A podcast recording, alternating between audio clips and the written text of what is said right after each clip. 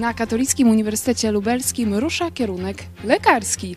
W programie studiów medycznych są planowane takie przedmioty jak Biblia, duchowość w medycynie czy katolicka nauka społeczna. Co ciekawe, wśród kadry Wydziału Medycznego KUL znalazła się żona ministra edukacji i nauki, dr Katarzyna Czarnek. Powstaje więc pytanie: medyczne studia na KUL, bać się czy cieszyć? O tym porozmawiamy już za chwilę z medykami i nie tylko. A już teraz czekam na Wasz udział w dyskusji. To jest program Idź pod prąd na żywo. Kornelia Chojecka, zapraszam.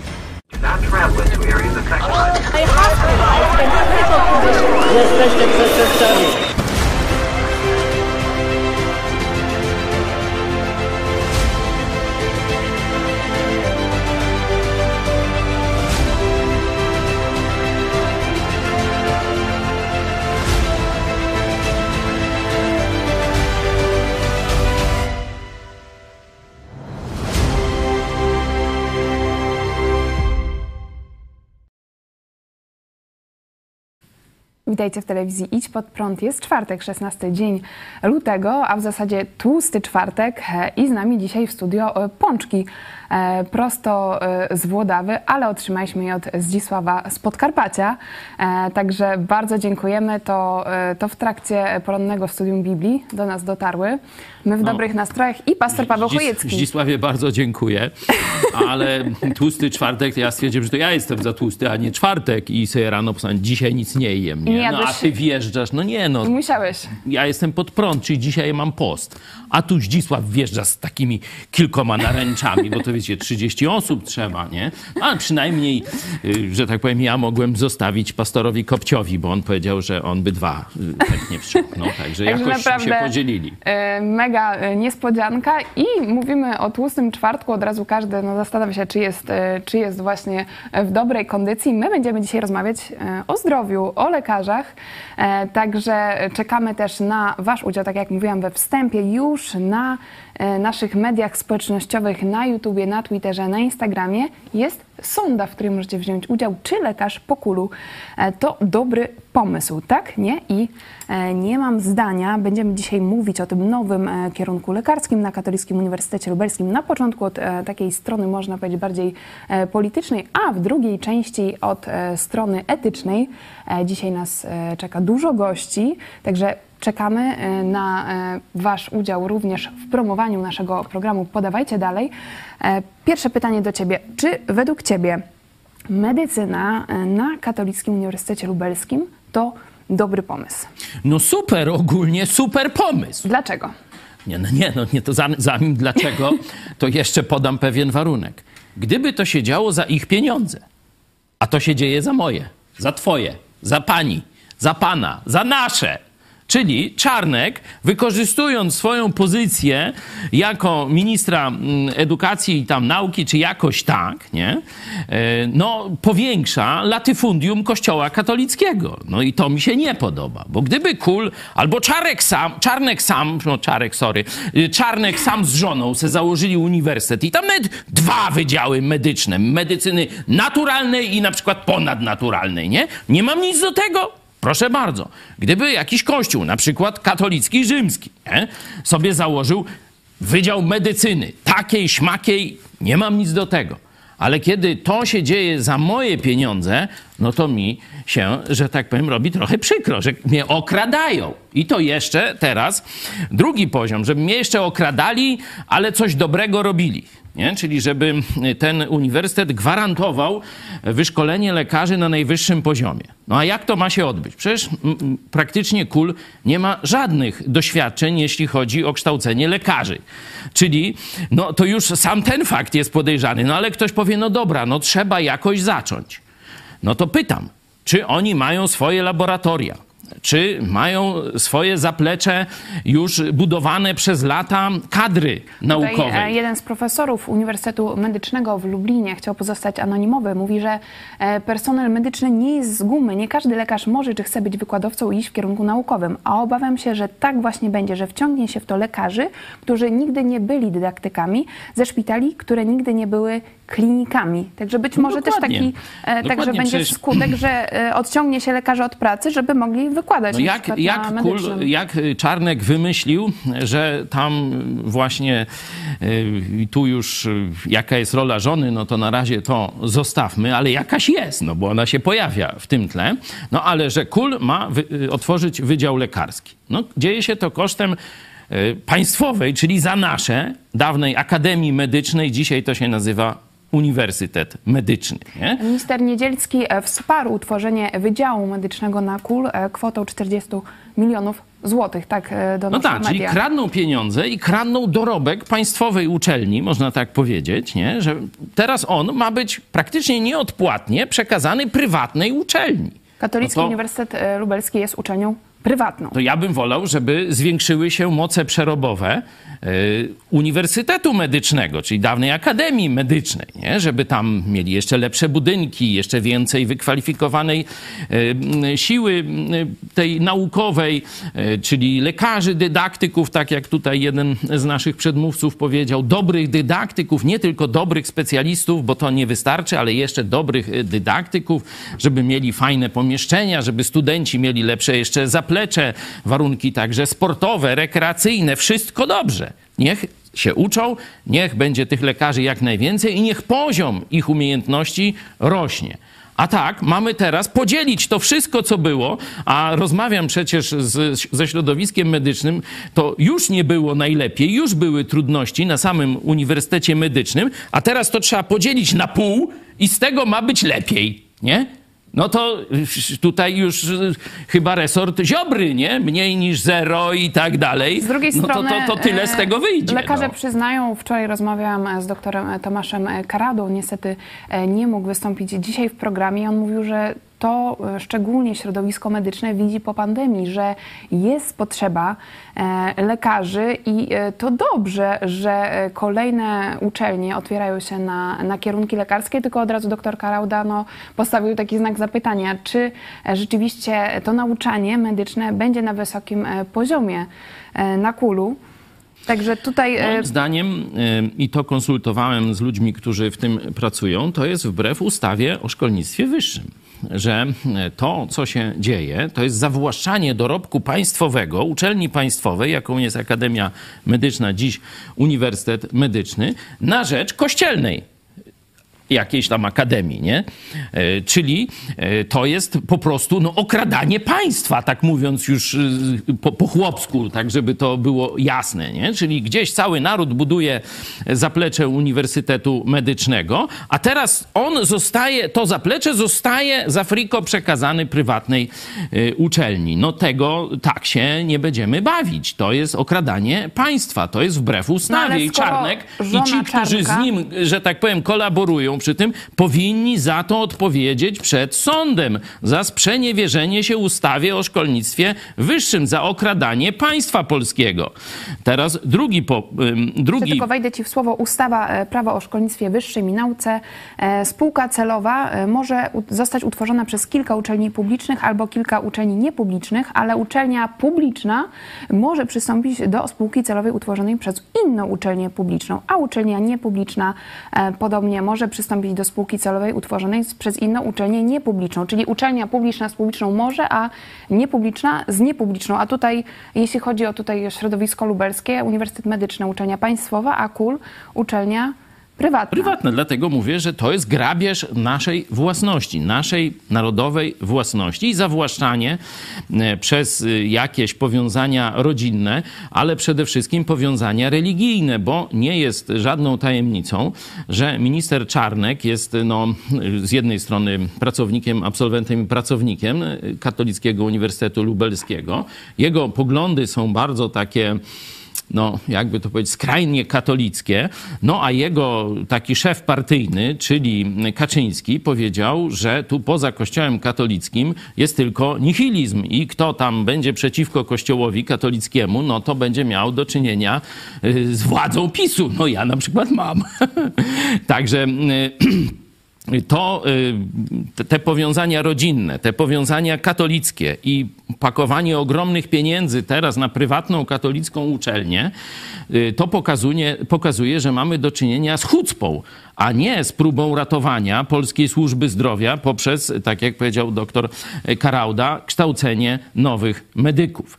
E, oczywiście potrzeba więcej medyków. To jest oczywista sprawa, ale nie w taki sposób. Nie w, w sposób rozkradania, kumoterstwa mm, i y, tego typu no, wz, wzmacniania, można powiedzieć, frontu katolickiego w Polsce pieniędzmi i powagą państwa polskiego. Bo to jest wbrew polskiej konstytucji, że wszystkie kościoły mają być traktowane w sposób równy. A tu zobaczcie, Kościół katolicki jest po raz kolejny, widzimy w jaki sposób faworyzowany, a na przykład Kościół Nowego Przymierza jest po sądach włóczony. No to tak to wygląda. No. A teraz e, prosimy... Ostatnio pół kościoła naszego było w sądzie. No nie musieli, bo to tylko pastora chcieli zamknąć. No ale ludzie powiedzieli, że oni jakoś tak też by chcieli przedstawić swoje zdanie w tej sprawie. Także mówię, pół kościoła kościoła się w sądzie musiało meldować za to, że ja krytykuję kościół katolicki. No.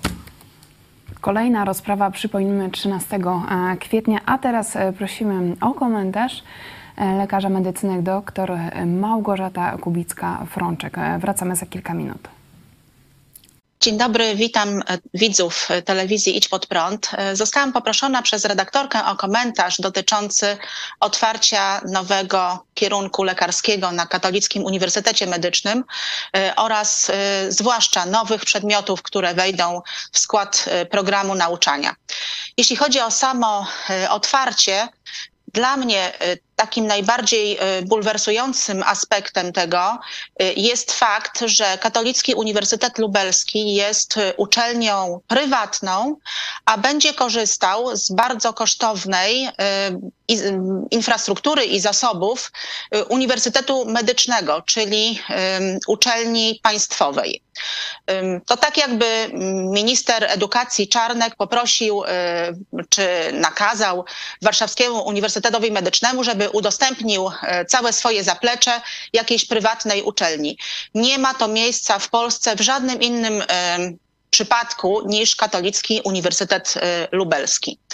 Czyli ta uczelnia, ponieważ ona nie ma żadnego własnego zaplecza, nawet Ministerstwo Edukacji, dokładnie minister Czarnek, zmienił punkt 53 y, bodajże y, ustawy o szkolnictwie, żeby w ogóle Katolicki Uniwersytet Lubelski mógł otworzyć kierunek lekarski, y, czyli właściwie ten paragraf 53 został zmieniony li tylko dla Katolickiego Uniwersytetu Lubelskiego, ponieważ żadna inna prywatna uczelnia nie korzysta z takich przywilejów, może korzystać z całego zasobu dydaktycznego, zaplecza infrastruktury y, uczelni państwowej. Dla mnie jest to y, niesprawiedliwe, to znaczy myślę, że ogólnie to jest niesprawiedliwe, e, ale szczególnie dla mnie y, bulwersujące. Zwłaszcza, że oczywiście Katolicki Uniwersytet Lubelski nie dysponuje ani żadnymi własnymi szpitalami klinicznymi, ani własnymi profesorami, dydaktykami, nie ma nawet własnego prosektorium. Czyli tak naprawdę w tej chwili na dwie uczelnie trzeba będzie podzielić y, całe zasoby edukacyjne, które ma y, Uniwersytet Medyczny w Lublinie. Jasne jest w związku z tym, że poziom nauczania spadnie. I y, w mojej opinii widać, że minister edukacji, pan Przemysław Czarnek, traktuje po prostu ministerstwo jako swój prywatny folwark, gdzie może do, robić co chce, czyli swojej uczelni, ponieważ jest profesorem e, Katolickiego Uniwersytetu Lubelskiego i pracuje tam jego rodzina również, e, może dawać e, milionowe dotacje, bo to jest około 40 milionów przynajmniej oficjalnie i może na przykład zmieniać ustawę o szkolnictwie wyższym, żeby pasowała pod takie, tego typu zamysły. To z takich rzeczy bardziej dla mnie bulwersujących w sensie mm, samego y, medycznego podejścia. Natomiast dodatkowo y, na tym wydziale y, pojawią się poza przedmiotami, które normalnie istnieją na wydziałach lekarskich, dodatkowo takie przedmioty jak Biblia, antropologia rodziny czy socjologia i katolicka nauka społeczna. Ilość tych przedmiotów to jest godzinowo chyba około 90 godzin, czyli wcale nie tak mało, zważywszy na to, że studia medyczne to są studia dość bardzo obciążone, jeśli chodzi o edukację. I te nowe przedmioty, wszystkie zasadniczo związane są z pewną, no, nazwijmy to jasno, indoktrynacją w kierunku wyznania rzymskokatolickiego. Oczywiście nie miałabym żadnego problemu z tym, jeśli ta uczelnia prywatna utrzymywałaby się ze swoich pieniędzy, ktoś chciałby na niej studiować i dowolną ilość czasu poświęcać na dowolne dodatkowe przedmioty, ale korzysta ona z ogromnych pieniędzy państwowych i korzysta z ogromnej infrastruktury państwowej skutek decyzji ministra edukacji. Dziękujemy za ten komentarz. Jeszcze wrócimy do doktor e, Małgorzaty Kubickiej, ale myślę, że to jest e, dość przerażający obraz, który się wyłania. E, tutaj dzisiaj mówimy o, o wątku lubelskim, ale myślę, że jak w takim krzywym zwierciadle no widać całą Polskę. Niestety to się dzieje w Lublinie, że rzeczywiście minister edukacji i nauki, no, można powiedzieć, może naginać prawo, żeby realizować no, swoje interesy. Myślisz, jaki może być tego skutek e, dla Polaków, dla, e, też dla szkolnictwa wyższego, że rzeczywiście taki e, kierunek medyczny powstanie na kulu, rusza od października? Na pewno będzie to poważne osłabienie nie tylko no, już tego wydziału, który już tu omówiliśmy i że Za, tam, Do przedmiotów zaraz przyjdziemy, bo to jest tam, inna kwestia. Że tam jakiegoś wysokiego poziomu nie będzie, to jest dla mnie rzecz oczywista, ponieważ dzieje się to w sposób socjalistyczny, czyli państwo wymusza, czy płaci, czyli korupcjogenny system nakazowo-rozdzielczy socjalistycznego rządu, to nic dobrego z tego nie może wyjść. Dobre rzeczy rodzą się spontanicznie, a nie w wyniku tego rodzaju działań działań, ale o wiele bardziej martwi mnie, że zostanie drastycznie obniżony e, poziom mm, studiów na właśnie tym państwowym Uniwersytecie Medycznym, który dotychczas naprawdę dobrą marką cieszył się. Lubelska e, Akademia Medyczna, kiedyś, teraz Uniwersytet, naprawdę w ścisłej czołówce e, Pol polskiej się mieści, a teraz no to zostanie podzielone przez pół. Mamy Wasze głosy już pierwsze. Dariusz Rysak. Problemem w Polsce jest to, że jak leczyć decydują politycy bez wykształcenia medycznego, a nie lekarze e, z kilkuletnim wykształceniem. No tutaj, mm, wiecie, nie tylko ci, którzy nie mają zielonego pojęcia o medycynie, tak jak Czarnek, ale e, przecież e, no, tu na to musiało wyrazić zgodę no, ten zespół kierujący Uniwersytetem Medycznym, czyli rektor, jakieś gremium tam zarządzające, a ci już się znają na leczeniu. Ale no zobaczcie, presja polityczna, presja religijna, no bo większość przecież tego środowiska zapewne jest związana z kościołem rzymskokatolickim, no i co, kościołowi nie dasz, to jesteś zły katolik, czyli ta presja ministerstwa, czyli presja państwowa, presja religijna, czyli sojusz tronu i ołtarza, nie? Zobaczcie, sprawił, że środowisko e, Akademii Medycznej, środowisko Państwowego Uniwersytetu Medycznego, no zgodziło się na, na, na tak y, szkodliwy krok. Nie? To, to, to rzeczywiście będzie z, z, na wiele lat y, będzie i e, pewnym takim no, hańbą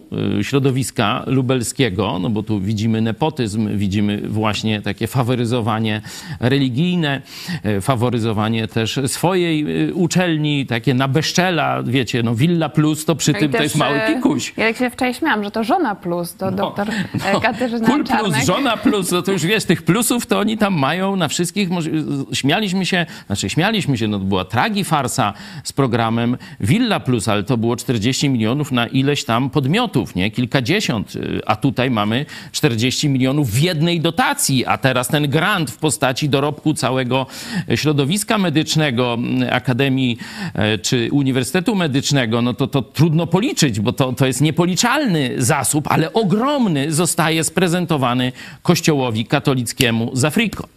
Dzisiaj mówimy o tematach medycznych, ale taka ciekawostka. Interia poprosiła sztuczną inteligencję o e, przygotowanie idealnego programu, który e, pozwoliłby zwyciężyć w jesiennych e, wyborach parlamentarnych w Polsce. I okazało się, że pierwszym takim punktem, który podała sztuczna inteligencja, jest zwiększenie nakładów na służbę zdrowia. Także widać też, że ten temat medyczny, prawda, no, to mówi sztuczna inteligencja, ale że będzie ważnym, kluczowym tematem. Będziemy e, zapraszać może jako gościa kampanii. No, myślę, że to by było ciekawe.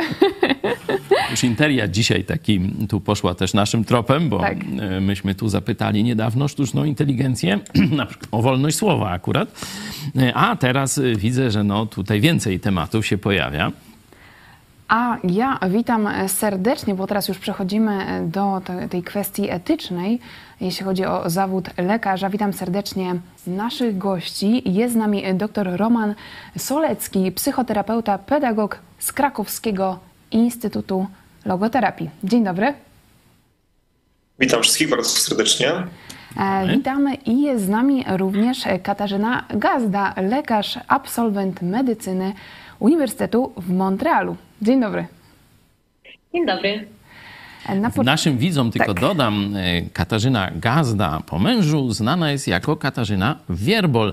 Także witamy Cię, Kasiu, bardzo serdecznie. Tak, być może. Dziękuję bardzo.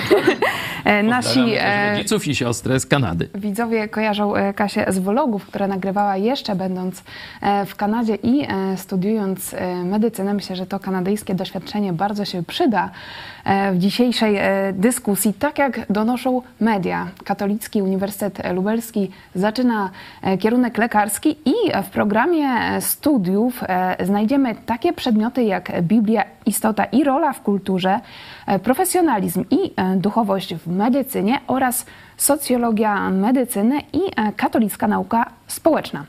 Na początku pytanie do doktora Romana Soleckiego. E, pan jest psychoterapeutą, ale też na, konie, na, na co dzień pracuje Pan w szpitalu, ma kontakt z lekarzami, szczególnie z psychiatrami. Czy, czy według Pana takie przedmioty są potrzebne przyszłym lekarzom?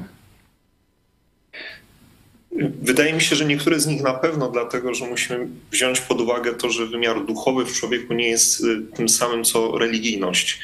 Dlatego, że choćby idąc za Wiktorem Emilem Franklem, który był y, i lekarzem, psychiatrą, i świetnym profesorem neurologii, więźniem obozów koncentracyjnych, y, tworząc też swoją trzecią wiedeńską szkołę psychoterapii, czyli logoterapię, mówił o tym, że człowiek to nie tylko soma i psycha, ale też pneuma, wymiar neetyczny, wymiar duchowy i patrząc na filozofię, na antropologię człowieka, jeszcze przedreligijną można powiedzieć, że, że wymiar duchowy jest ontologicznie człowiekowi przynależny bez względu na to, czy ktoś jest wierzący, niewierzący i jaki system religijny wybiera. Dlatego duchowość jako y, sfera, można powiedzieć, egzystencjalna, gdzie tak naprawdę zadajemy sobie pytanie, y, kim jestem, po co żyję, y, skąd jestem, dokąd zmierzam, jaki sens, jaki cel ma moje życie, jest szalenie ważna i myślę, że, że to, co jest takim błędem niestety często w kulturze czy w społeczeństwie, E, kiedy podejmujemy różnego rodzaju debaty na ten temat, to to, że właśnie duchowość często e, utożsamiamy z religijnością. Natomiast no, sfera duchowa jest czymś o wiele, e, można powiedzieć, ważniejszym, fundamentalnym. Każdy sferę duchową posiada i błąd antropologiczny polega na tym, kiedy właśnie pracując z pacjentem skupiamy się tylko na wymiarze psychosomatycznym, y, a jego duchowości jakby nie wspieramy, nie dostrzegamy, bojąc się, że będziemy dotykali religijności, że będziemy indoktrynowali, że będziemy jakoś wchodzili, można powiedzieć, na taki niepewny grunt. Y, I to niestety powoduje, że często y, psychoterapia, psychiatria czy medycyna no niestety potrzebuje trochę takiej rehumanizacji. A no pragnę przypomnieć, że jeżeli popatrzymy choćby na historię medycyny, psychologii czy, czy współczesnych nauk, no to jednak metodologicznie one wyrastają z filozofii, wyrastają z tej metodologii, która jednak uwzględniała wymiar duchowy w człowieku jako coś fundamentalnego. I myślę, że to jest ważne, żeby faktycznie dotykać sfery duchowej w człowieku, y, tak jak choćby profesor też Kępiński y, czy inni świetni polscy lekarze dostrzegali właśnie ten wymiar duchowy, egzystencjalny. Warto o tym mówić, bo też sam widzę, jak często pacjenci y, przychodzą z różnych gabinetów terapeutycznych czy medycznych z takim doświadczeniem, że na przykład ich duchowość, ich religijność była jakoś na przykład zredukowana, nie byli przyjęci cali z tym, co wnosili podczas rozmowy z lekarzem czy z psychoterapeutą. A tu nie chodzi o to, żeby jakoś wiadomo kogoś przekonywać, ale żeby patrzeć na człowieka właśnie w sposób całościowy, integralny, a wymiar duchowy jest, można powiedzieć, taką sferą, którą każdy z nas, tak jak ciało i, i, i psychikę posiada. Więc tego rodzaju przedmioty myślę, że jak najbardziej co do katolickiej nauki społecznej, no to, to już jest inna kwestia, nie? no bo to już jest stricte nauka, która dotyczy jakby konkretnego wyznania systemu religijnego, jakim jest właśnie wiara katolicka, więc tu jest jakby troszkę już inne pole dyskusji niż przedmioty dotyczące stricte duchowości. Za ten komentarz. Też rozróżnienie sfery e, duchowej i religijności, bo rzeczywiście często w potocznym rozumieniu e, to jest e, synonim.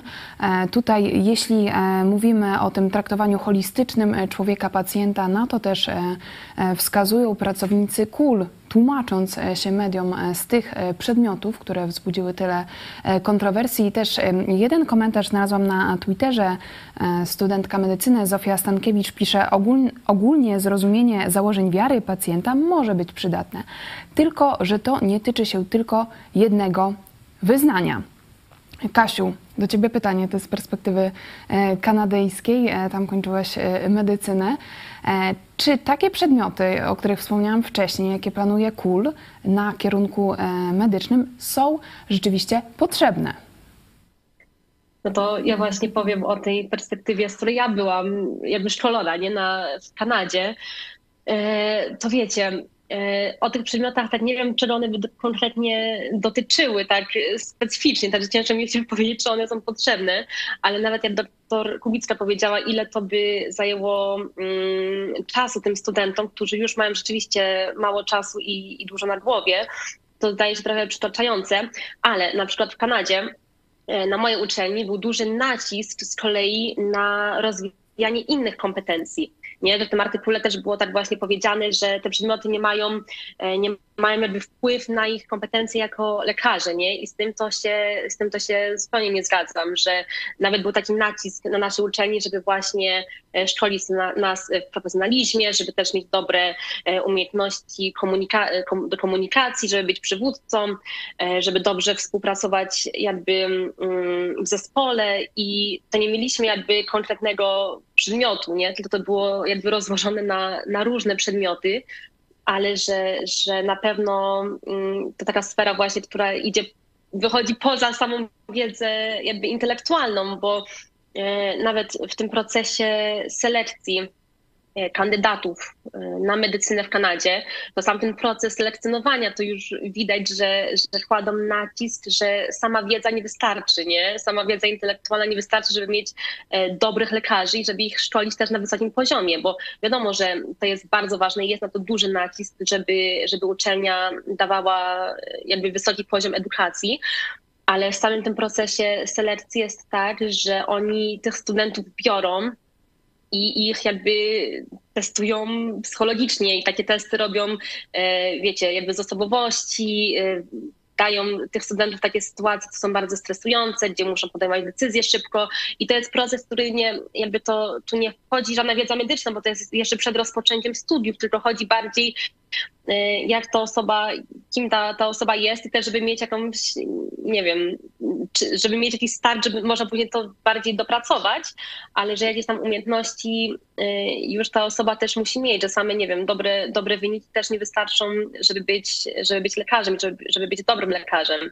Więc konkretnie do tych przedmiotów, to nie wiem, jak to by miało wyglądać, jakby to miało być jakby y, realne dla takich studentów, żeby tyle tyle mieć tych przedmiotów, ale żeby na pewno e, starać się mm, też ich kształcić, jakby wychodząc tylko z tej sfery takiej e, intelektualnej, to myślę, że, że to jest ważne dla, dla lekarza. Myślę, że tutaj e, wszyscy raczej się e, zgodzimy w tym, że lekarz, e, czyli też no, to są inne oczywiście zawody, dzisiaj mówimy głównie o lekarzach, ale osoba, która ma, ma często wpływ, decyduje o, nawet o życiu ludzkim, powinna reprezentować jakieś podstawowe normy etyczne, patrzeć na człowieka holistycznie, tak jak tak jak mówią pracownicy KUL, ale powstaje pytanie, jak to zrobić i czy rzeczywiście te przedmioty na i tak przeładowanym kierunku lekarskim to jest dobry pomysł. Pastor Paweł Chojecki. No, myśmy robili coś takiego w czasach komunizmu, nie? bo ja wtedy byłem studentem. Moje początki takie duchowe to jest duszpasterstwo właśnie Akademii Medycznej, stąd wiem o czym mówię. Duszpasterstwo katolickie, duszpasterstwo akademickie Emanuel Ruchu Azowego. To trzeba jasno podkreślić, że to nie było takie zwykłe katolickie duszpasterstwo, ale przesiąknięte treściami biblijnymi, no, można powiedzieć precyzyjnie protestanckimi, że tam była, e, było pod tym sztandarem katolickim jednak nauczanie Biblii i e, etyki e, protestanckiej. Nie? Za to został ukarany ksiądz, który prowadził, został mm, pozbawiony możliwości prowadzenia tego duszpasterstwa i skierowany do takiego szpitala MSW, mm, czyli tam, gdzie miał milicję i ZOMO, nie? i tam był duszpasterzem za karę po tych studentach. Potem tam mu jakoś złagodzili i poszedł na kul. Ale to już inna historia. Myślę, że ta formacja duchowa, tu jak pan doktor mm, Solecki powiedział, jest oczywiście bardzo ważna. Powinna być realizowana w ramach rozwoju osobistego każdego lekarza, y, a nie, y, że jakaś religia ma być wciskana przez, y, można powiedzieć, no, program studiów. To powinno być, jeśli już, no to, to powinien, powinna być jakaś prezentacja różnic y, w etyce, na przykład katolickiej i protestanckiej, czy, czy ateistycznej etyce, a katolickiej, protestanckiej, może jeśli y, środowiska są jakieś większe, no to inne religie też można y, tu by wprowadzić, żeby lekarz miał ogólną orientację, gdzie może natrafić na jakieś problemy w kontakcie z pacjentami, ale jego droga duchowa powinna się odbywać na zasadzie osobistej formacji informacji. I oczywiście kościoły powinny mieć możliwość działania na nawet świeckich y, uniwersytetach. Nie wiem, jak to jest w Kanadzie, to może Kasia nam zaraz y, powie, y, ale tam uczestnictwo w tych zajęciach, w tej formacji powinno być dobrowolne, a nie przymusowe. Nie wiem, czy Kasiu chcesz e, zabrać e, głos e, od razu no to mogę powiedzieć, że w Kanadzie to nie ma, nie ma czegoś takiego, nie, że nie ma, to nie jest ani wspomniane. No nie ma tego po prostu. I też jeśli na, nas też przestrzegali nawet um, przed rozmawianiem na sprawy duchowe z pacjentami, że nawet jeśli pacjent by nas zapytał jakieś pytanie dotyczące y, spraw duchowych, to że nie możemy z nim na ten temat rozmawiać, nie? że po prostu w każdym szpitalu jest jakiś tam y, doradca duchowy, czy, czy jakoś tak jest, jest to, to nazwane i że po prostu wtedy do, do, niego, do niego skierować prośbę pacjenta ale jest taki generalnie zakaz, żeby, żeby rozmawiać. Trafiłaś e, do całkiem innego świata, e, z Kanady do województwa znaczy, lubelskiego. Jeszcze tylko dopytam, czy jakiekolwiek zajęcia z etyki były na waszym uniwersytecie w Montrealu? Były, były zajęcia i rozważaliśmy też, y, powiedzmy tam różne dylematy, takie moralne. Z etyki było generalnie mało, nie, nie było wiele zajęć, ale próbowali nas trochę do tego przygotowywać. Ale tu, jeśli chodzi o takie sprawy um, światopoglądowe, to nie było omawiane. Nie, znaczy to były bardziej o takie, takie sprawy etyczne właśnie związane powiedzmy z leczeniem pacjentów, z różnymi decyzjami, które można podjąć e, w leczeniu, ale jeśli chodzi o takie e, sprawy, czy to będzie właśnie duchowe, czy to będą takie ciężkie tematy jak, jak aborcja, czy jak eutanazja i tego typu sprawy, to, to te tematy nie były, e, nie były jakby objęte tymi dyskusjami. Mówisz, Kasiu, o tych e, kwestiach drażliwych. Chciałam właśnie zapytać też o konkrety. E, tutaj jeden e, ze sceptyków studiów medycznych na Kulu, dr Sebastian Goncerz, przewodniczący Porozumienia Rezydentów, lekarz, w rozmowie z TOK FM stwierdził, nie chcę katastrofizować, ale jestem ogromnie ciekaw, jak zostaną tam pokazane takie tematy jak antykoncepcja, terminacja ciąży, czy kwestie związane z transpłciowością. Pytanie do Was, do, do wszystkich wszystkich gości, e, jak w takich kwestiach drażliwych, na przykład jak e, aborcja czy e, antykoncepcja, powinien zachować się lekarz. Kto chce pierwszy zabrać głos? Ja myślę, że to również wynika jakby z tych dwóch perspektyw patrzenia, bo, bo tutaj się zgodzę, że z jednej strony osobista formacja duchowa y, każdego człowieka, no każdy bierze sam za nią odpowiedzialność. Nie? Mamy duszpasterstwa akademickie, mamy różne wspólnoty, możliwości, aby każdy, kto poszukuje, rozwijał też swój wymiar właśnie duchowy i też religijny. Y, natomiast y, trochę jakby z niepokojem patrzę na to, jak praca z drugim człowiekiem ogranicza się tylko do dwóch wymiarów. Nie tak jak y, pani Katarzyna powiedziała, że na przykład ma wręcz zakaz odpowiadania na pytania o duchowość, to trudno mi sobie też wyobrazić, kiedy pacjent y, pyta o sens cierpienia, kiedy pyta o celowość jakiejś choroby, kiedy y, cierpi jego ciało, cierpią emocje, cierpi psychika, czyli tak naprawdę cierpi też jego cała egzystencja. I niezaopiekowanie się tym no, powoduje, że tak naprawdę gdzieś no, leczymy jakieś objawy, prawda? Staramy się oczywiście pomóc temu człowiekowi, ale tak jakbyśmy nie brali pod uwagę właśnie tego, co, co, co często może być również źródłem choroby. Bo, bo rozwinięta wiedza z, z, dziedziny psychosomatyki pokazuje, że wiele też nerwic czy chorób autoimmunologicznych bierze też początek z różnych napięć, które w ciele mogą się pojawiać, kryzysów, depresji, Teraz wiemy, jak y, mocno też teoria poliwagalna, y, też stymulacji nerwu błędnego, pracy w ogóle właśnie z ciałem, wyrównuje całą pracę układu y, wegetatywnego, przywspółczulnego. To wszystko jakby odkrywamy i zauważamy coraz bardziej, że ten wymiar właśnie sensu, poczucia sensu, zresztą nasze badania teraz przed dwóch miesięcy, 3,5 tysiąca młodych ludzi przebadaliśmy pod kątem właśnie depresji, uzależnień, poczucia sensu życia, relacji rodzinnych. E, okazało się, że najsilniejszym czynnikiem chroniącym przed właśnie depresją i, i, i, różnego rodzaju zaburzeniami psychicznymi, jak również uzależnieniami medialnymi, e, było poczucie sensu życia. I to jest jakby dla mnie, na przykład z perspektywy pracy jako, jako terapeuty i w klinice psychiatrii na oddziale dziennym z pacjentami uzależnionymi, ale też w różnych gabinetach terapeutycznych, jakby wydaje się czymś naturalnym, nie? że jeżeli bym nie, nie podjął jakby tematu, który wnosi pacjent, bo nawet Viktor Frank też się tak bronił przed tymi, którzy mu zarzucali, że logoterapia to taka filozofia, no bo to nie jest medycyna, bo tylko y, dotyka właśnie wymiaru sensu. On mówił, no tak, ale te pytania filozoficzne wnoszą sami pacjenci to oni przychodzą właśnie z, z tym, czego gdzieś potrzebują. Dlatego dla mnie, odpowiadając na, na, Pani pytanie, wydaje mi się, że właśnie nie powinniśmy się bać y, tej formacji duchowej, na żadnym uniwersytecie, na żadnym kierunku, tak jak etyka czy filozofia przecież jest na e, prawie każdym wydziale, czy, czy prawie każdy pierwszy rok e, ma logikę, ma etykę, ma, można powiedzieć, jakieś podstawy filozofii.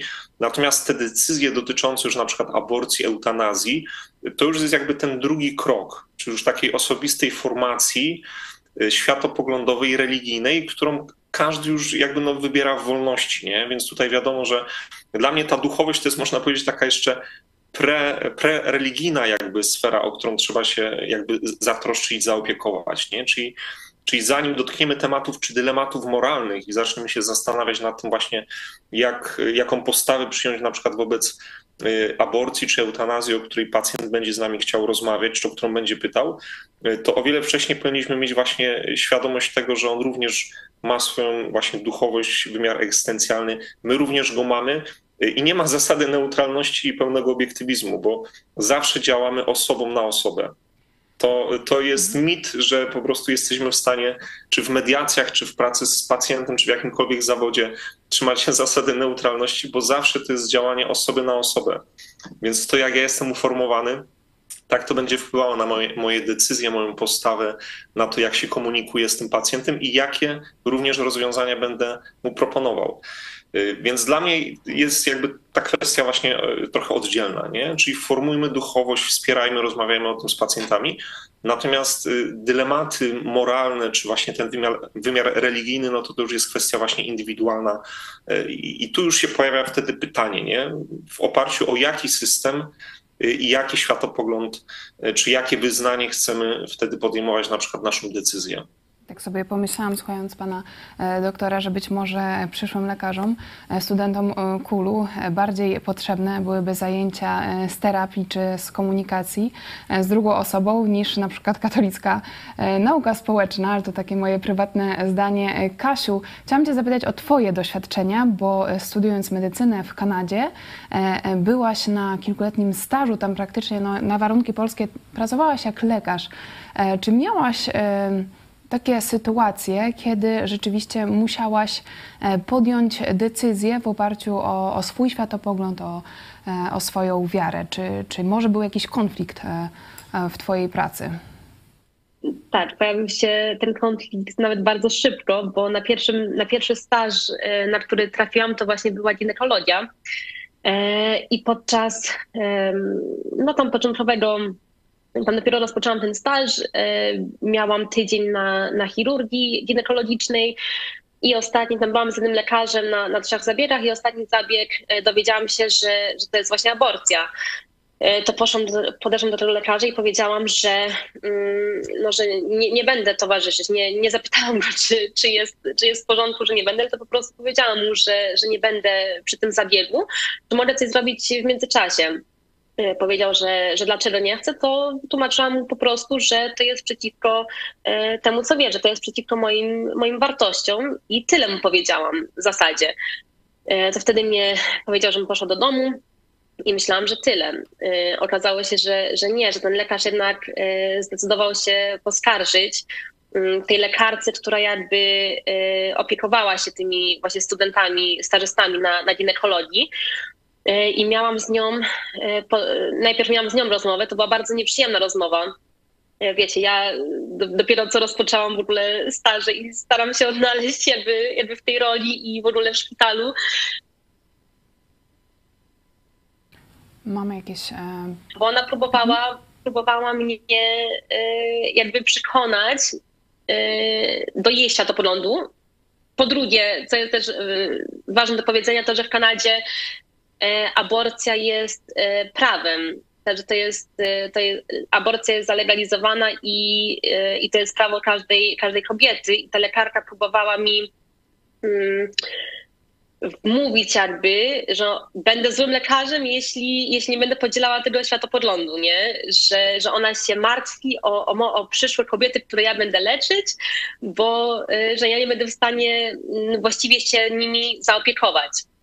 Mm, powiedziała też, co mnie trochę zdziwiło, że przez te wszystkie lata, które, e, przez które ona właśnie zajmuje się tymi e, stażystami, to nie było takiej sytuacji, żeby, żeby ktoś odmówił e, pójść na, na taki zabieg, więc ona nie wie, co ze mną do końca zrobić, więc to zgłosi na uczelnię. Także jeszcze odbyła ona z kolei dyskusję tam na uczelni i, i na uczelni stwierdzili, że nie będę, nie dostanę żadnej konsekwencji z tego powodu, że moja obecność przy tej operacji, e, no przy, przy tej aborcji nie była konieczna i że tylko z tego, z tego powodu nie, nie, nie dostanę żadnej, e, żadnej konsekwencji.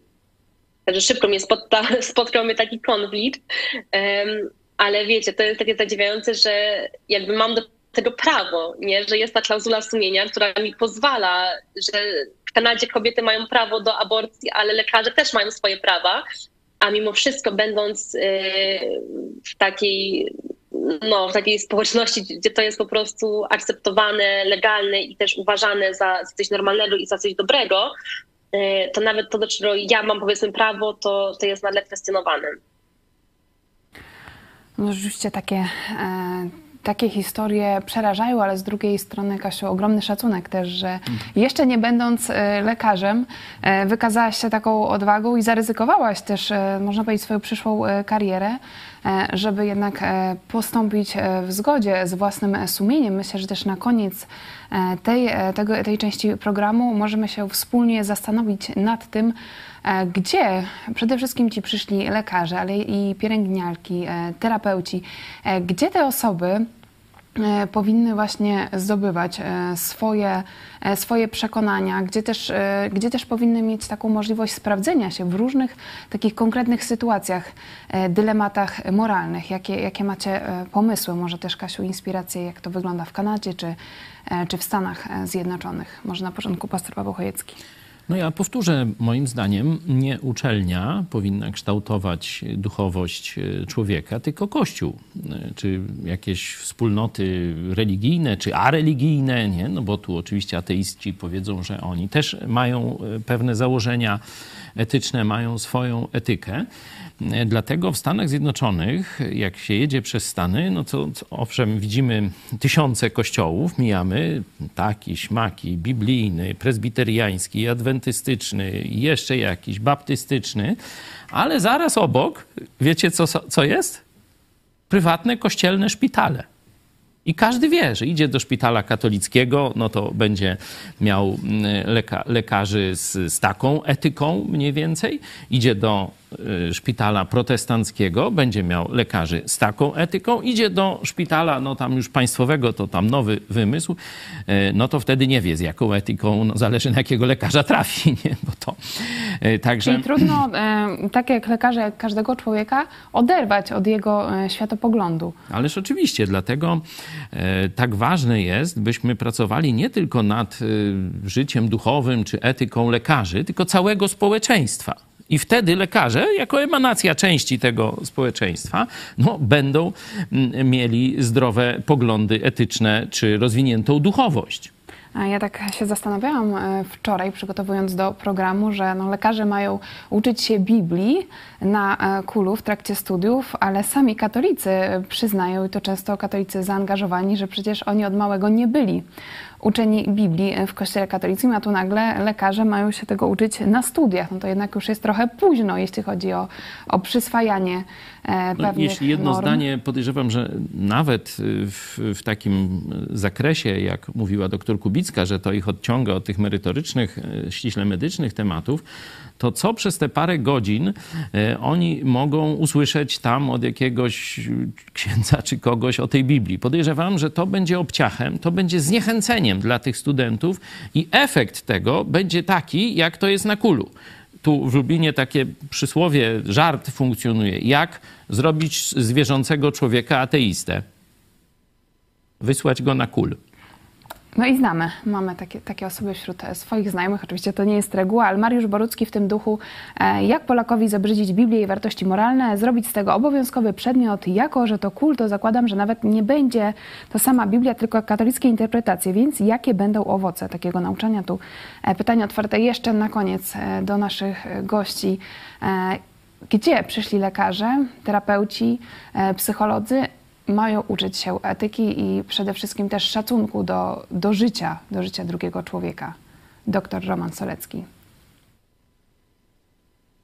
Zgodzę się z, z moim przedmówcą, dlatego że, że kształtowanie sumienia wartości powinno się już zaczynać w środowisku rodzinnym. To jest pierwsze podstawowe środowisko. Potem mamy szkołę, potem mamy dopiero studia i na, i na końcu gdzieś już właśnie nasze środowisko pracy. I ciężko jest i trudno kogoś, kto już ma ukształtowany jakiś światopogląd patrzenia na świat, nagle zmienić, nie wiem, zawrócić jego myślenie, nawet za pomocą jakichś argumentów intelektualnych. Więc tutaj to, co powinno się jakby zacząć, to już w, w obszarze edukacji, y, gdzie mamy edukację emocjonalną, gdzie mamy właśnie etykę, gdzie mamy pracę z wartościami, gdzie możemy wzmacniać jakoś właśnie też taki integralny y, obraz człowieka. Y, my pracujemy też w Krakowie w ramach takiego systemu CUDER, czyli CUDER to pięć jakby pierwszych liter pięciu sfer rozwoju, czyli ciało, umysł, duch, emocje i relacje. I staramy się już w obszarze profilaktyki uzależnień, czy też takiej pracy nawet z pacjentami diagnostycznej, y, rozwijać to w oparciu właśnie o takie całościowe, integralne patrzenie, ale wiemy, że y, kiedy ktoś już jest na studiach, czy już zaczyna pracę zawodową jako młody dorosły, często ma już matrycę y, i ma, ma już matrycę jakichś właśnie norm wartości osobowości i czasami może być za późno, żeby, żeby tylko na przykład właśnie formować intelektualnie za pomocą jakiegoś przedmiotu, z nadzieją, że to zmieni w ogóle patrzenie. Ciekawymi na pewno miejscami są różnego rodzaju spotkania, debaty. My nawet w Krakowie robimy coś takiego jak logo cafe, czyli rozmowę o sensie i zapraszamy lekarzy, psychoterapeutów, zapraszamy pacjentów na przykład onkologicznie chorych, osoby, które mieszkają na przykład z byłymi więźniami, które prowadzą ośrodki szkolno-wychowawcze i tam przychodzi masę studentów i też ludzi z różnych profesji, zdrowia psychicznego i publicznego, gdzie podejmujemy właśnie takie wątki dotyczące cierpienia, dotyczące właśnie pracy z godnością pacjenta.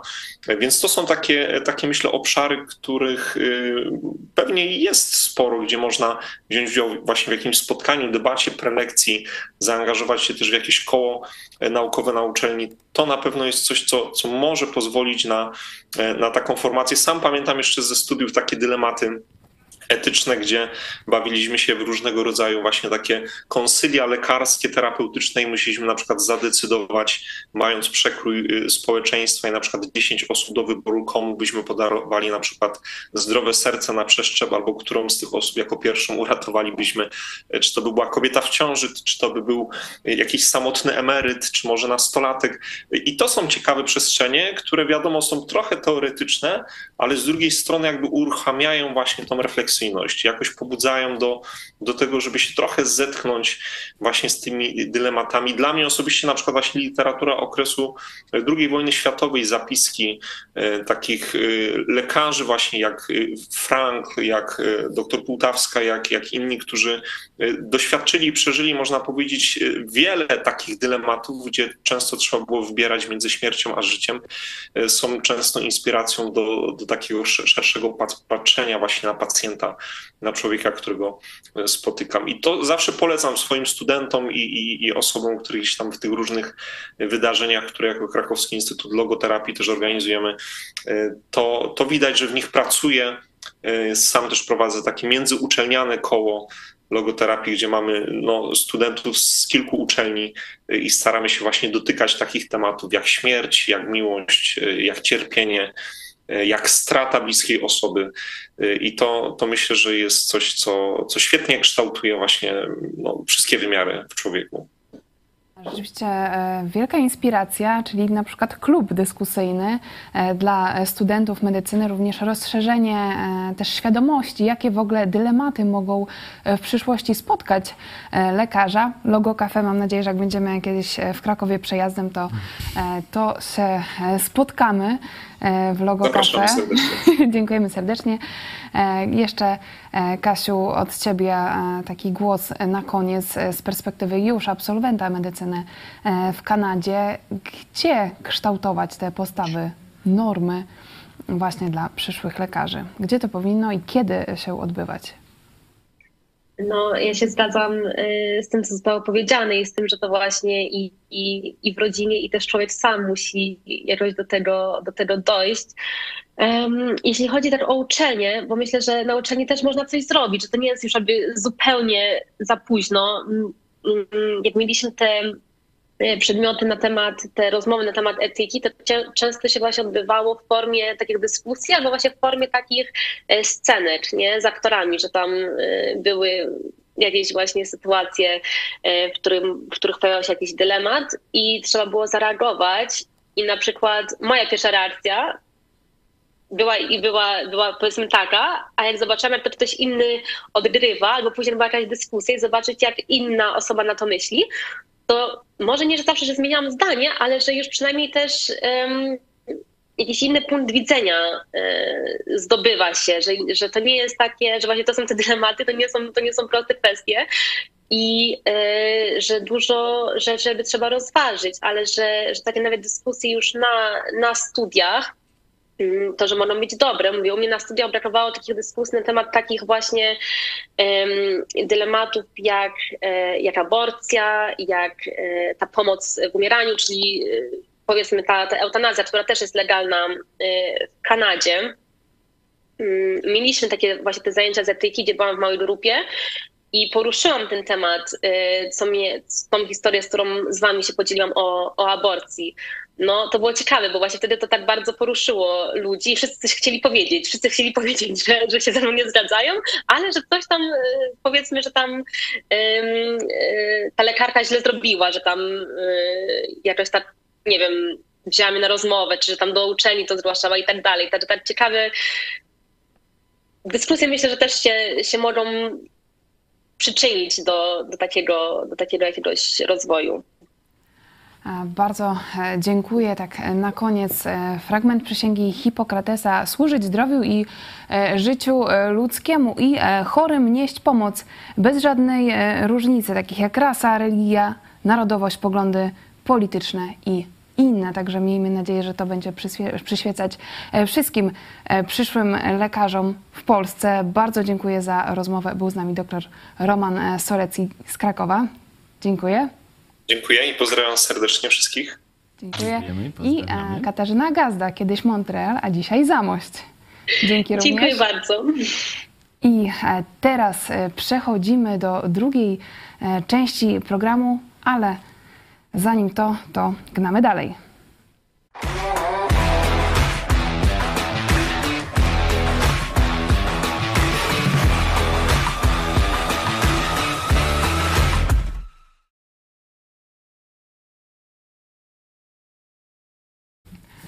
Bardzo e, dziękujemy za Wasze głosy. Ja teraz e, cały czas dostaję kolejne. Trwa e, sonda na Twitterze, na YouTubie, na Instagramie. Czekamy na Wasz udział.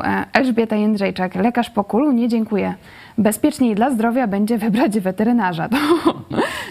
No nie, nie, nie przesadzajmy. No, myślę, że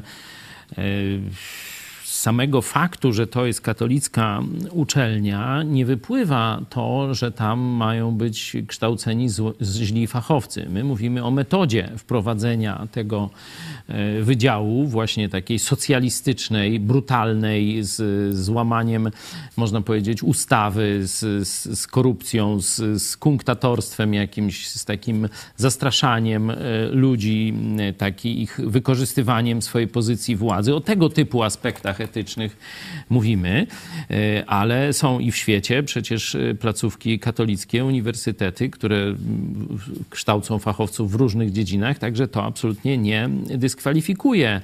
E, co, co innego jest etyka kulowska, bo tu pan Czarnek jest najlepszą egzemplifikacją, jak działa etyka kulu. Nie? Villa plus i tak dalej. Zobaczcie, kul się nie odcina od jego y, tych nieetycznych, czy dużo gorszych słów można by użyć mm, działań. Tutaj przecież opozycja już straszy prokuratorem, że to jest, y, to jest taka zalegalizowane złodziejstwo. Tu w Sejmie to padło w tym, co Czarnek robi.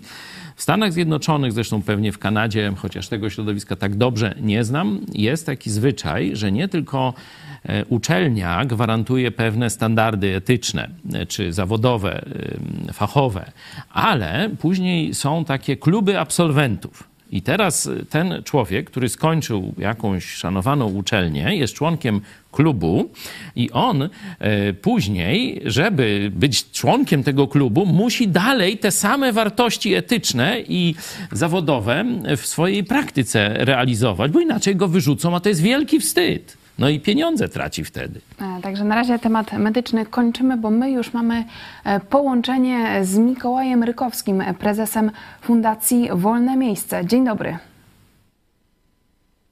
Czy się usłyszymy dobrze? Halo, halo, witaj halo, Mikołaj. Halo. Czy coś chyba zerwało, ale miejmy nadzieję, że zaraz uda się połączyć. Mikołaj Możecie e, obserwować właśnie. pomoc do Turcji, stąd no, z drogi się gdzieś łapiemy. Tak, obserwujcie e, profile Fundacji Wolne Miejsce na, na Facebooku, na Instagramie. Tam na bieżąco będziecie widzieć, co robią wolontariusze fundacji i E, rzeczywiście cały czas zaskakują e, swoją chęcią i takim ogromnym poświęceniem, żeby e, pomagać innym. Także mam nadzieję, że już się słyszymy. Halo, halo? Ja, ja słyszę, ja słyszę Was. Super. Przepraszam Was za jakość. Witam, która Cordelio, ale no, przepraszam Was za jakość. Jesteśmy naprawdę na totalnym odludziu w tej chwili. Gdzie pan obecnie się znajduje?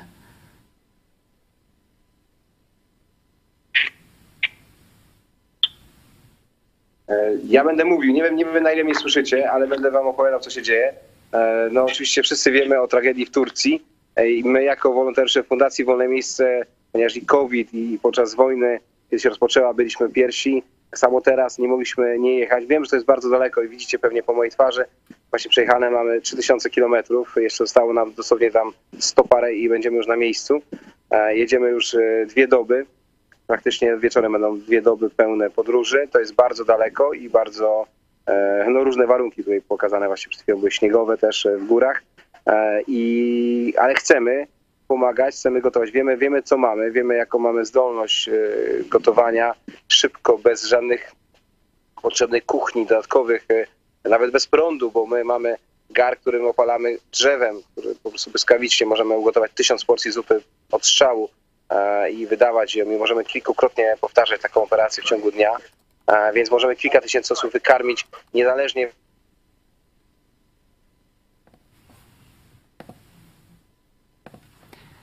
Mamy drobne problemy e, z łączeniem. Ale łączymy się z Turcją, no to i to w stanie e, po kataklizmie. Stąd e, mam nadzieję, że wybaczycie nam te problemy e, techniczne.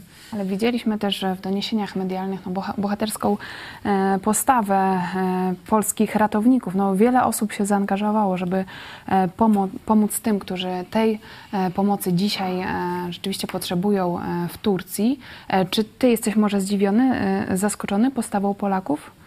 Przecież no, nie są to nasi sąsiedzi. Turcja, gdzieś całkiem e, cały inny Polacy, e, no, region. Jeśli chodzi o pomaganie kiedyś y, za wolność naszą i waszą, to w tej petycji do prezydenta Bidena, żeby się um- upomniał o wolność dla polskich protestantów, to e, podniosłem, że Polacy są właśnie z tego znani, że angażują się o dobre sprawy w całym świecie. I ta akcja e, charytatywna akcja wcześniej polskich e, służb, e, tych związanych e, ze Strażą Pożarną głównie, ale ogólnie służb ratunkowych. Kilkanaście osób bezpośrednio uratowali, ale pewnie dużo więcej zrobili dobra. Teraz e, ta pomoc dla ludzi, którzy stracili e, dach nad głową, stracili wszystkie swoje zasoby niekiedy i teraz kilka tysięcy porcji jedzenia dziennie. E, Jedna niewielka grupa, e, która z Polski jedzie, to jest wspaniałe świadectwo. Myślę, że będą tego też dobre owoce, że e, ludzie będą doświadczać miłości wzajemnej i będą też dobrze wspominać Polskę. I mamy już z powrotem e, Mikołaja Rykowskiego. Nie wiem, nie wiem na ile, na ile to, co mówiłem, czy to było słyszalne wszystko, Tak, co tak, powiedziałem. słyszeliśmy. Uf, to dobrze. E, więc mamy też jeszcze na koniec chcę powiedzieć taki apel, ponieważ my nie wiemy, czego się spodziewamy. Czy wiemy, od, mamy przyjaciół Center Kitchen, którzy już tam są od tygodnia. My z nimi współpracowaliśmy e, e, w zeszłym roku e, na granicy, więc mamy do siebie zaufanie. One się bardzo cieszą, że do nich jedziemy. Wspomożemy ich po prostu kilkoma tysiącami posiłków dziennie. Ale wiemy to, że ta grupa wolontariuszy nie będzie tam siedziała kilka miesięcy, a być może ten konflikt może tyle potrwać. Więc mamy apel do osób powiem szczerze, rozsądnych, a też mających doświadczenie kulinarne, byłoby najlepiej, aby wymieniały, już teraz ten samochód zostanie prawdopodobnie w Turcji, kocioł również, sprzęty nasze, a będziemy prawdopodobnie samolotami lub jakimiś innymi transportami wysyłać innych i wymieniać, aby, aby ta pomoc trwała, abyśmy nie, nie musieli wrócić, e, żeby nie zostało te wolne, puste miejsce po nas, ale żebyśmy je właśnie wypełniali, więc apel. Apel oczywiście o produkty, o koce, o ubrania świeże, nowe oczywiście, o, o żywność puszkową, konserwową, o wpłaty finansowe na fundację z dopiskiem na Turcję, o wszelką pomoc, abyście, e, kto usłyszy, kto chce do tego dołączyć się, e, kto może w jakikolwiek sposób, pomóżmy, dlatego że ci ludzie naprawdę są w rozpaczliwej sytuacji. Mamy relacje od przyjaciół z e, World Center Kitchen, to to jest autentyczny dramat. Ci ludzie są, no, potracili swoich bliskich e, i nie mają gdzie, gdzie się schować i koczują na ulicy. Więc tam nie tylko jedzenie będzie potrzebne, tam będzie też dużo takiego przytulenia, takich rozmów, które nawet może język będzie nam przeszkodą, ale myślę, że serca, które mamy, które Pan Bóg nas, e, no powiem szczerze, wyposażył, a też e, zmiękczył na tyle, będą na tyle potrzebne, żeby właśnie czasami płakać z tymi osobami. Amen. Ogromny szacunek i też widziałam na, na Waszych relacjach w mediach społecznościowych, że jedziecie sporą grupą młodych ludzi, także to też jest ciekawe, że e, tylu młodych wolontariuszy właśnie znalazło w sobie i czas, i, i chęć, żeby, żeby pojechać do Turcji. Także pozdrowienia dla całej dzielnej ekipy. E, Jesteście dobrym wzorem. muszę, muszę, muszę ci przerwać, to jest bardzo ważne. Muszę ci przerwać, że ta młoda ekipa to jest doświadczona ekipa. To są właśnie te dziewczynki, które tam e, przed chwilą były pokazane. One były pierwsze ze mną 27 lutego, pojechały ze mną na granicę e, i zostały tam przez prawie 7 miesięcy. To są niesamowite karpagarki, takie moje kochane, gerski my je tak czasami nazywamy. I one potrafią same ugotować, każda z nich potrafi sama ugotować taki gar zupy. Więc to są dziewczyny, to są już oficerowie, to już nie są wolontariusze, to są ludzie, którzy mogą dowodzić całymi grupami. Więc powiem szczerze, naprawdę jestem dumny, że wychowaliśmy taką, taką fajną młodzież i dalej chcemy to robić. Więc zapraszamy do współpracy z fundacją naszą. Jeśli ktoś chce znaleźć sobie i zajęcie, i zdolność nową, to właśnie wolne miejsce czeka na niego w naszej fundacji. E, Bardzo dziękujemy. E, Fundacja Wolne Miejsce. Szukajcie w mediach społecznościowych. Również polecamy stronę. Zachęcamy do e, wsparcia na różny sposób Fundacji Wolne Miejsce. Jak widzicie, robią dużo dobrych rzeczy nie tylko w Polsce, ale również teraz w Turcji. Dziękujemy za relację. Był z nami Mikołaj Rykowski. Do zobaczenia. Dziękuję, pozdrawiam. Trzymajcie się. Dzięki pastorze. I czekamy na następne relacje. Dobrze. Właśnie dostałem herbatkę tu No to dobrej drogi. Będziemy cię zobaczyć. Dzięki. Do zobaczenia. Cześć. Cześć. że pozytywna e, dawka e, energii na koniec, e, tak jak widać, kiedy, kiedy coś się dzieje, dzieje się coś tragicznego często, też, też jest to taki moment, że wtedy ludzie okazują to dobro i często dzieją się takie rzeczy, które normalnie by się nie wydarzyły, gdzie Tu, Polacy tu ten udają element się do etyczny, duchowy właśnie się objawia. Nie? Przecież nie muszą. Mogliby siedzieć w domu, a jednak organizują się, szybko skrzykują, biorą sprzęt, środki i jadą.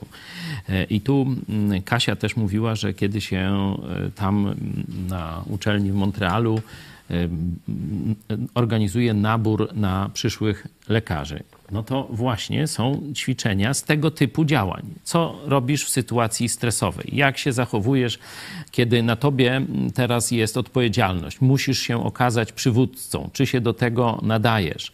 Czy się ogarniesz? Czy z kolei umiesz też pracować w zespole? Możesz mieć silne zdolności przywódcze, ale jak jesteś na jakimś innym miejscu niż przywódcze, czy potrafisz wesprzeć zespół, chociaż nie jest to pod twoje dyktando? Tak się sprawdza tych lekarzy, zanim się będzie lekcja anatomii, czy To jakieś inne jest, no, robiło. To mi się inspiracja. bardzo, bardzo e, podoba, e, bo zobaczcie, jak wiele zależy od e, typu człowieka, od jakości człowieka, no nie wiem jak to nazwać, nie? Nie tylko od jego wiedzy. Wiedza jest bardzo ważna, ale jeśli nie będzie charakteru, jeśli nie będzie tej woli pomagania, no toż i studia na kulu czy gdzie indziej nie pomogą wiele. Dla mnie to była też osobiście inspiracja, jeśli mówimy o tej selekcji na, na przyszłych lekarzy, która jest w Kanadzie. Na przykład Ja studiowałam psychologię i tam żadnej e, selekcji nie było, a jednak to też jest taki zawód e, bliskiego kontaktu e, z drugim człowiekiem, a tu był tylko wynik matury, a to jednak za mało. Kraje mm, anglosaskie, one mają bardzo duży nacisk na praktykę położony. Z kolei w naszym odziedziczonym jeszcze takim po XIX wieku i później po komunie systemie edukacji jest nacisk na teorię bardzo duży e, położony.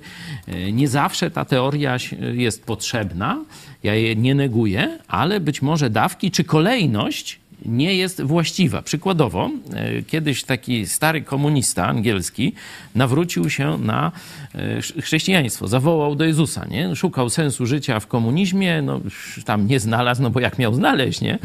Jak tam jest y, ateista, czyli że nie ma Boga, nie ma sensu, nie? Jesteś taką trochę mądrzejszą albo głupszą małpą, zależy jak się trafi, no i jaki tu sens znaleźć w tym, nie? E, czy jest tylko bezsens i jakieś czekanie na śmierć, nie? On y, znalazł Jezusa Chrystusa, wcześniej ludzie, spotkał ludzi, którzy mu powiedzieli prawdę o istnieniu Boga, o tym, co Jezus zrobił, o zbawieniu, o tym, że Jezus stoi kołacze, że zmartwychwstał i tak dalej. On się nawrócił e, i patrzył, jak chrześcijanie młodzi są przygotowani do angażowania się właśnie społecznego. I mówi, słuchajcie, masę teorii dostawałem, masę jakichś wiadomości biblijnych, niebiblijnych. I ja z tym nic, nie, nie, bardzo to nudne było. Już później zacząłem zasypiać, chociaż byłem, że tak powiem, nowonarodzonym chrześcijaninem i chciałem tego, ale ta forma była tak niedostosowana, że zanudzała. Ja się właśnie na kulu do tej formy boję, że, że, że właśnie zniechęci ludzi. On mówi tak, my komuniści zanim kogośmy tam szprycowali Marksem i Engelsem, to wysyłaliśmy go na ulicę, żeby rozdawał komunistyczne ulotki. I wtedy on y, ma kontakt z ludźmi na ulicy, nie? Wtedy go tam jeden opluje. Żebyśmy brali inspirację od y, komunistów. Jest taka książka, y, Poświęcenie i przywództwo. Douglas chyba jakoś tak y, wydaliśmy jeszcze kiedyś na powielaczu w tych czasach przejścia między komunizmem a, y, a tą hybrydą, w jakiej żyjemy. No na powielaczu parę książekśmy wydali i właśnie Poświęcenie i przywództwo, takie świadectwo. On mówi, kiedy taki człowiek zderzył się z ulicą, z, z wyzwiskami, z drugiej strony z pytaniami, na które nie umiał odpowiedzieć, no to oni mu wtedy wieczorowe kursy dawali. On wtedy słuchał, jeszcze więcej więcej, dajcie mi, jakie mam odpowiedź na takie pytanie, jak na takie. Jeśli nie ma praktyki wpierw, jeśli ten człowiek nie ma serca, nie zetknął się z prawdziwymi problemami, to teoria będzie nudą. A jeśli on się zetknął z prawdziwymi problemami, zobaczył swoją niewiedzę, to mówi: Dajcie mi wiedzę, ja muszę wiedzieć. No to tak powinny te studia wyglądać i widać, zobaczcie, że na Uniwersytecie Medycznym w Montrealu, no właśnie tak podchodzą do tego zagadnienia. No My zresztą w naszym kościele tak samo. E, Marcin Nowicki, szacunek dla pani Kasi i za e, postawę moralną. Tak, bardzo to, to się zdarzyło już jakiś czas temu, ale było to dla nas wielkim takim przeżyciem, wielką zachętą i jesteśmy z Kasi bardzo, bardzo dumni. Teraz doktor Piotr też jest bardzo dumny. Pozdrawiamy. Pozdrawiamy. E, wyniki sądy. Czy lekarz pokuluł to dobry pomysł? 77% na nie. Na tak 11% nie mam zdania, 12% to e, Wasze głosy na YouTubie. E, dziękujemy za e, udział w sądzie. Jeszcze komentarz Marcin Nowicki. Pastorze, wszelkie diety dziś na boku. Tłusty czwartek jest raz w roku. Nie, nie, nie, nie, nie. To niech sobie tam będzie raz w roku. Ja sobie mogę jutro zrobić tłusty czwartek, kto mi zabroni. Nie? Ale dzisiaj po wejściu na wagę poranny stwierdziłem, nie, dość szlaban. No i to mnie nikt nie przekona, żebym zmienił zdanie. Skoro jesteśmy przy pączkach, e, zaczęliśmy od pączków, kończymy na e, pączkach, to może teraz e, krótki trailer z programu o ciekawej cukierni artystycznej Gryf w Gdańsku, prowadzonej przez chrześcijan. Także dzisiaj też otrzymaliśmy zdjęcie z ich cukierni. Dużo pracy. Szkoda, bo to że są tak czwartek. daleko, bo tak to Szkoda, byśmy spróbowali. Że są tak daleko. No, wtedy może bym inaczej podszedł do tych i bym przerzucił post na jutro, a tak? Także e, prosimy. Ale się trzymam. Wracamy Widzicie, nie zabrakło pączków tu. Można przeliczyć. Od początku programu jest tyle samo i nie donosili. Znaczy inni donoszą, ale to no, ci, co służbowo nas oglądają. Pozdrawiamy całą ekipę w całej Polsce. No i dziękuję, że prowadzicie taki program, taką telewizję niezależną i mówicie prawdę, to czego ludzie oczekują. A jeżeli nie wszyscy, to trudno, to ich strata. Dziękujemy bardzo. Dzięki. Jeśli chcesz, by niezależne od dotacji rządu dziennikarstwo przetrwało i rozwijało się w Polsce, poświęć dosłownie kilka minut na wsparcie telewizji Idź Pod Prąd. Nasza telewizja utrzymuje się dzięki comiesięcznemu wsparciu widzów. Jeśli uważasz, że rzetelnie spełniamy swój dziennikarski obowiązek, codziennie zapewniając Ci informacje, komentarze, analizy, a także sporą dawkę humoru, zachęcamy Cię do wsparcia naszej telewizji. Jak to zrobić? Wejdź na stronę idźpodprąd.pl wsparcie. Wybierz cel wpłaty. Możesz jej dokonać przez DotPay, PayPal, Blik lub tradycyjnym przelewem z tytułem darowizna. Gramy i gnamy dalej.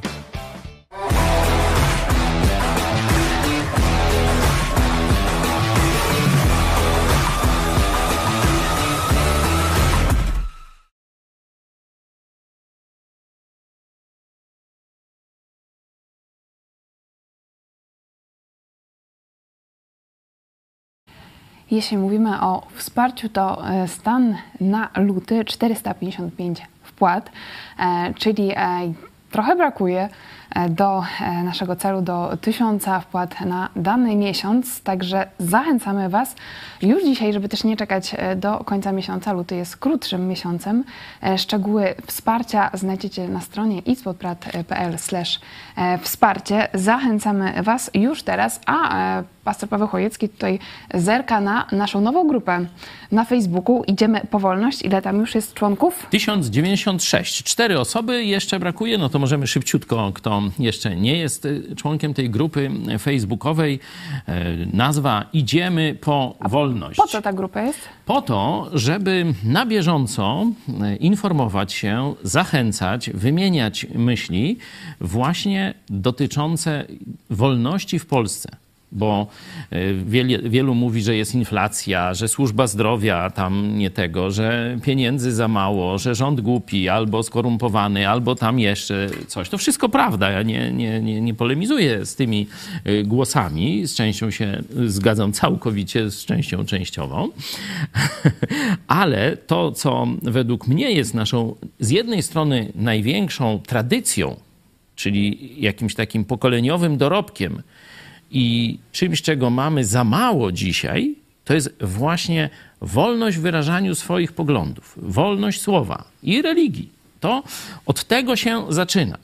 Dopóki Kościół katolicki będzie opresyjnym, takim e, tworem, który niszczy wolność słowa, dominuje, dla siebie żąda pozycji uprzywilejowanej, pieniędzy, e, wolności od odpowiedzialności karnej, przecież no, te sprawy z pedofilią, z odszkodowaniami, no to, to, to praktycznie nie ma czegoś takiego jeszcze w Polsce albo bardzo rzadkie e, przypadki.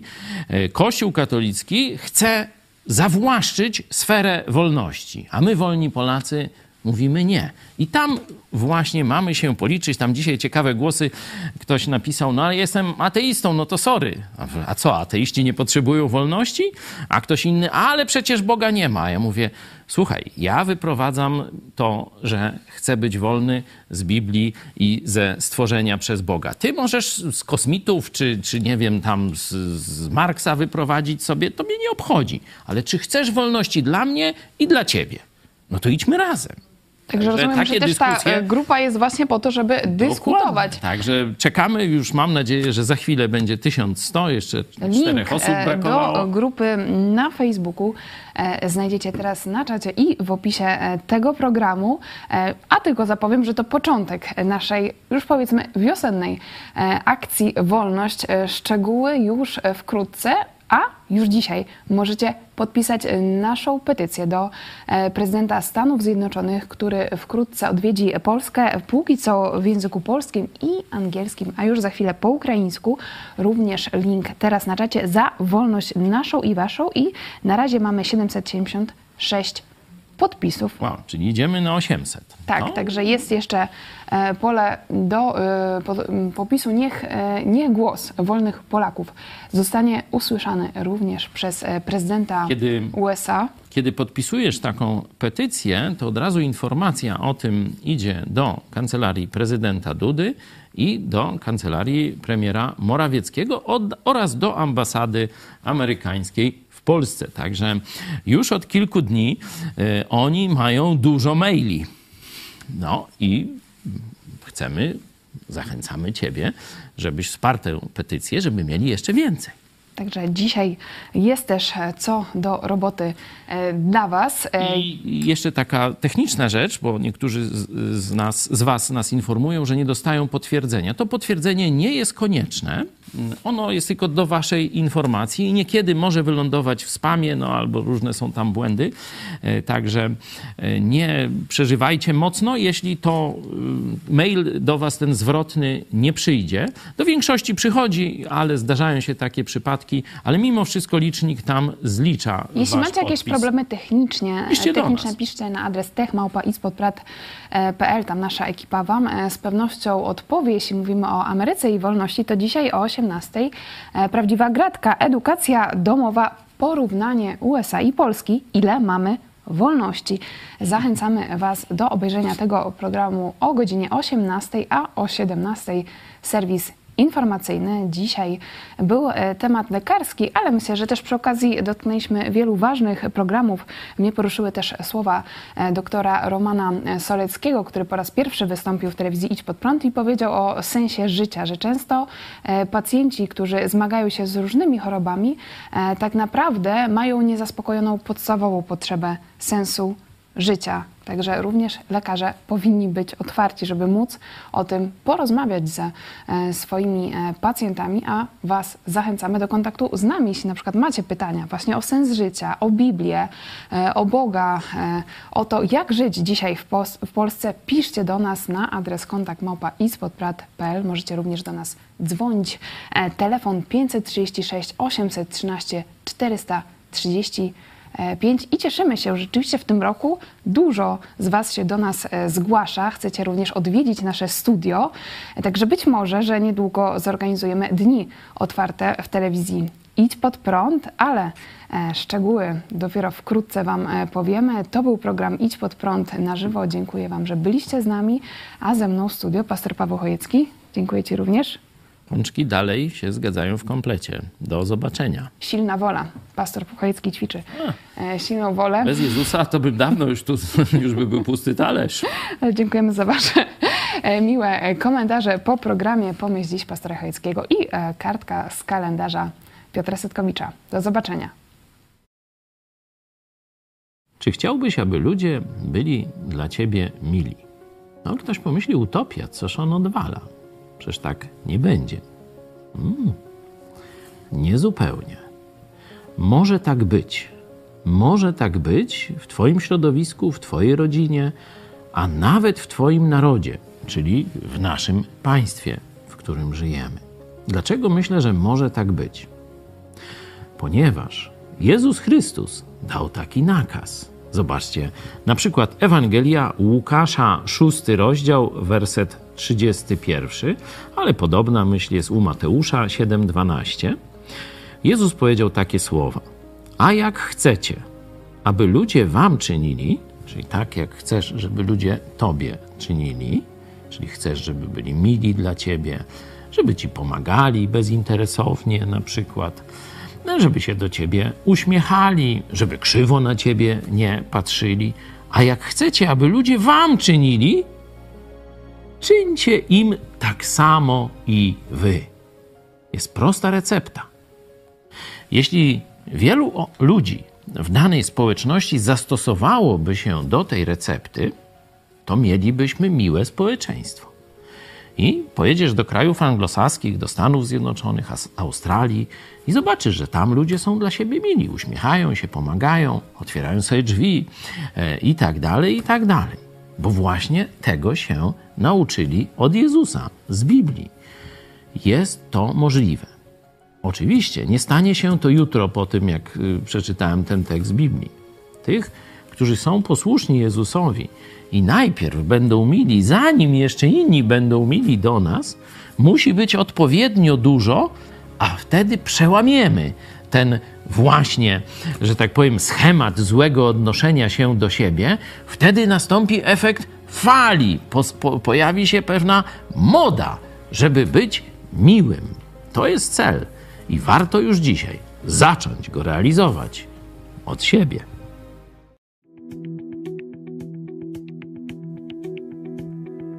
16 lutego 1946 roku w Pradze rozpoczęły się negocjacje między Polską a Czechosłowacją, mające na celu rozwiązanie konfliktów granicznych. Już po powstaniu obu państw w roku 1918 rozpoczął się konflikt o Zaolzie. Po zakończeniu II wojny światowej spór o Zaolzie między państwami trwał nadal, a oprócz tego w związku z przesunięciem Polski na zachód pojawiły się nowe źródła konfliktów. Jeszcze w lipcu 1944 roku Stalin planował przekazanie Czechosłowacji ziemi kłodzkiej i raciborskiej. Potem postanowił, że granica między Polską a Czechosłowacją będzie biegła tak jak dawna granica czechosłowacko-niemiecka. W 1945 roku Czechosłowacja zaczęła domagać się przyłączenia do niej powiatów kłodzkiego, Raciborskiego,